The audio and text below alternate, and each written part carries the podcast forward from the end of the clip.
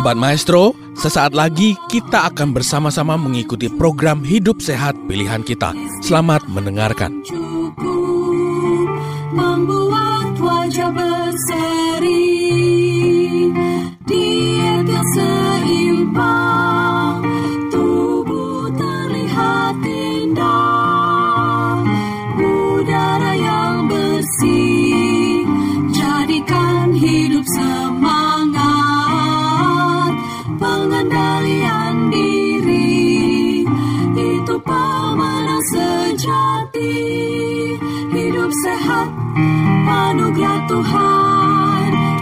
Sehat sangat berharga.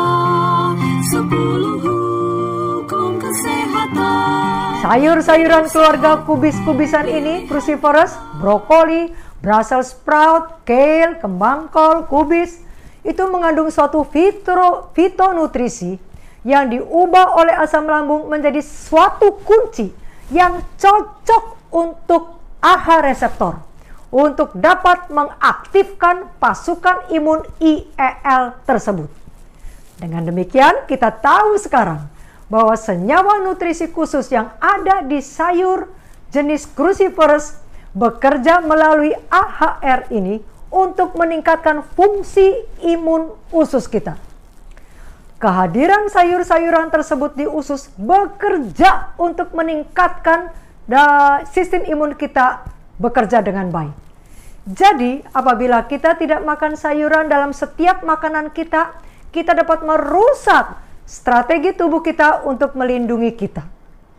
Dan menariknya saudara, kekebalan yang dihasilkan dari sayur kubis-kubisan seperti brokoli itu tidak hanya melindungi kita terhadap patogen dalam makanan, tetapi juga terhadap polutan yang ada di sekitar kita seperti asap rokok, asap mobil, asap-asap pembakaran, dioksin dan lain-lain di mana senyawa-senyawa daripada sayur-sayur kubis-kubisan ini dapat membloknya. Ya, Ada sesuatu yang menarik di sini saudara. Namun ternyata kemampuan memblok racun itu tidak hanya terbatas pada makanan nabati saja. Ada satu produk hewan yang juga berpotensi memblok efek racun dioksin yang dapat menyebabkan kanker itu. Tahukah saudara apa di mana itu? Yaitu urin unta, air kencing unta. Jadi berikutnya, kalau anak saudara tidak mau makan buah-buahan dan sayur-sayuran, saudara dapat berkata begini, ayo nak, mau pilih mana? Brokoli atau air kencing unta? Ayo silahkan pilih sendiri. Oke, sekarang kita akan melihat natural killer cell, yaitu jenis tadi, jenis sel darah putih yang sangat penting dari sistem imun kita. Mengapa? Karena responnya sangat cepat terhadap sel yang terinfeksi virus dan sel kanker disebut natural, natural killer cell, karena memang tidak membutuhkan paparan sebelumnya terhadap suatu penyakit untuk dia bisa aktif. Tidak seperti beberapa bagian daripada sistem imun yang baru aktif setelah mempunyai riwayat terpapar uh, sebelumnya, seperti misalnya cacar air. Artinya, kita tidak perlu sakit kanker dulu, baru natural killer cell kita ini bekerja. Luar biasa, saudara. Untuk pencegahan penyakit, berbagai macam beri-berian muncul sebagai pemenang menurut suatu lembaga research. Karena senyawa pada beri-beri ini mengandung anti kanker yang dapat menangkal, mengurangi, dan memperbaiki kerusakan yang diakibatkan oleh oksidatif stres dan inflamasi. Namun kemudian baru-baru ini diketahui bahwa buah-buahan beri-berian ini juga dapat meningkatkan jumlah natural killer cell. Luar biasa. Berikutnya, apakah ada makanan yang dapat meningkatkan tadi meningkatkan jumlah sekarang apakah ada yang dapat meningkatkan aktivitasnya supaya kita bisa tahu seberapa efektifkah natural killer cell ini menghancurkan sel-sel kanker? Ada, Saudara. Salah satunya adalah suatu rempah yang namanya kardamom atau bahasa Indonesianya kapulaga. Kita bisa membuat campuran uh, blueberry dan kapulaga.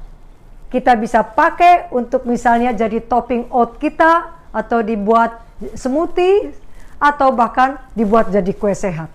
Atau kita bisa memasukkan kapulaga bersama-sama dengan kunyit dan sebagainya di resep-resep masakan kita. Karena rempah-rempah seperti itu berkhasiat luar biasa. Saat ini kita mau lihat, seandainya ada obat atau suplemen yang dapat mengurangi jumlah hari sakit kita karena infeksi saluran pernapasan misalnya menjadi separuh atau 50%, apakah saudara tertarik? Pasti ini akan menjadi komoditi yang laris banget. Namun memang ada sesuatu yang dapat meningkatkan sistem imun kita secara free dan dapat mengurangi hari sakit kita sebanyak 50%. Apakah itu? Gerak badan. Tidak perlu mengambil waktu gerak badan yang banyak untuk mendapatkan hasil. Penelitian menemukan bahwa jika kita membiarkan anak-anak kita berlari hanya 6 menit saja, sirkulasi sel imun di dalam darah meningkat hampir 50%. Di sisi lain, olahraga yang teratur dapat membantu mencegah penurunan imun yang disebabkan oleh penambahan usia. Satu studi mendapatkan bahwa para wanita setengah baya yang jarang bergerak, yang memiliki risiko 50% terkena sakit uh, saluran pernapasan, kemudian mereka mulai melakukan program berjalan setengah jam sehari, maka risikonya turun menjadi 20%. Apa yang sesungguhnya terjadi ini? Bagaimana gerak badan yang sederhana dapat menurunkan risiko terkena infeksi? Ini saudara jawabannya. Kurang lebih 5, 95% dari semua infeksi itu dimulai di permukaan yang lembab da, atau berlendir seperti mata, lubang hidung, dan mulut. Semua permukaan ini dilindungi oleh antibodi yang namanya IgA, imunoglobulin tipe A, yang memberikan kekebalan dengan menetralisir dan mencegah virus masuk ke dalam tubuh kita. IgA di dalam air liur misalnya, itu merupakan garda pertahanan terdepan terhadap infeksi saluran pernapasan seperti radang paru-paru, pneumonia, dan influenza. Gerak badan yang moderate dapat meningkatkan level IgA ini dan menurunkan secara signifikan kemungkinan terkena gejala-gejala seperti flu. Dibandingkan dengan kelompok orang yang jarang bergerak, maka mereka yang melakukan olahraga aerobik 30 menit selam, seharinya selama tiga kali seminggu dilakukan selama 12 minggu memiliki kenaikan 50% level IgA di air liur mereka dan memiliki gejala-gejala infeksi saluran pernapasan yang jauh lebih sedikit.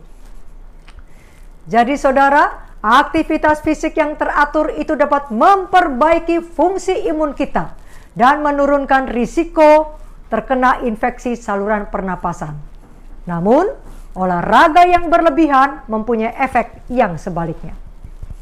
Jika kita yang tadinya tidak aktif kemudian menjadi aktif, risiko infeksi menurun ketika kita mulai ber, ber, mulai aktif berolahraga. Tetapi pada suatu titik tertentu, olahraga dan stres yang berlebihan dapat meningkatkan risiko infeksi karena merusak fungsi imun. Hal-hal apa lagi yang dapat kita lakukan untuk dapat mencegah atau keep germs at bay? Hindari sumber-sumber makanan yang berpotensi menyebabkan keracunan makanan bagi kita. Di Amerika Serikat, racun makanan yang paling menimbulkan beban atau biaya kesehatan yang besar adalah salmonella dan juga bahkan menimbulkan kematian. Banyak orang menghubungkan salmonella ini dengan telur. Hasil penelitian mendapatkan bahwa bakteri patogen salmonella dalam telur masih tetap hidup dengan metode memasak telur scrambled, setengah matang, bahkan juga telur mata sapi. Mungkin kita akan bertanya, bagaimana kalau omelet? Telur dadar, dan French toast. Para peneliti dari Purdue University menyatakan bahwa salmonella tetap hidup juga di telur dadar, omelet, dan French toast. Bahkan juga di telur yang direbus sampai uh, eh, 8 menit sekalipun. Bagaimana dengan daging ayam? Itu juga adalah sumber bakteri salmonella yang paling banyak. Hal ini telah diketahui secara luas. Bahkan para industri peternakan mengatakan adalah sesuatu yang normal apabila daging ayam itu terkontaminasi dengan salmonella. Eat your own risk. Karena terlalu mahal kalau tidak jual ayam yang sudah positif salmonella. Rugi besar. Itu adalah fakta yang ada di pasar kita, saudara. Bagaimana sekarang dengan daging? Bakteri-bakteri lainnya pada daging bahkan dapat mengkontaminasi semua perkakas masak yang kita gunakan sekalipun sudah dicuci dengan air panas dan sabun. Jadi sekalipun mungkin kita tidak makan daging hewani, kita berisiko terinfeksi bakteri patogen apabila kita mengolahnya dengan perkakas-perkakas kita sendiri. Yang lainnya adalah lagi adalah patogen Yersinia yang ada di daging babi. Saudara sekalian, itu adalah uh, bakteri kuman sakit penyakit yang dapat menimbulkan keracunan pada makanan manusia. Sebagai take away message, saudara sekalian, melakukan langkah-langkah kebersihan atau vaksin sekalipun tidaklah cukup untuk memperoleh kesehatan seutuhnya. Kita dapat terpapar sakit. Kita bahkan tetap dapat terpapar sakit sekalipun kita tidak pernah kontak dengan orang lain. Begitu fungsi imun kita turun. Maka dorman virus itu akan menyerang kita dan membuat kita menjadi sakit. Keep germs at bay. Kendalikan kuman virus sakit penyakit dan jaga agar tidak menimbulkan masalah dengan menghidupkan pola hidup sehat sehingga kita terlindung dari berbagai kuman penyakit yang ada di udara ataupun di makanan kita. Makan lebih banyak sayur dan buah, lakukan gerak badan yang teratur, lebih banyak makan makanan nabati untuk mencegah kita keracunan makanan dengan mengurangi paparan kita pada bakteri-bakteri bakteri patogen yang mematikan yang ada di daging hewan. Terima kasih, Tuhan memberkati. Sobat Maestro, Anda baru saja mendengarkan program Hidup Sehat Pilihan Kita. Terima kasih atas kebersamaan Anda. Istirahat yang cukup membuat wajah berseri.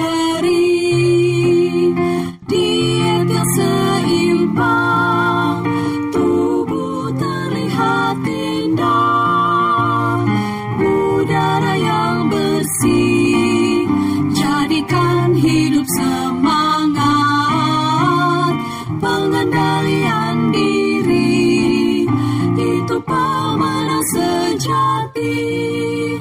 Hidup sehat, anugerah Tuhan. Hidup sehat, sangat berharga.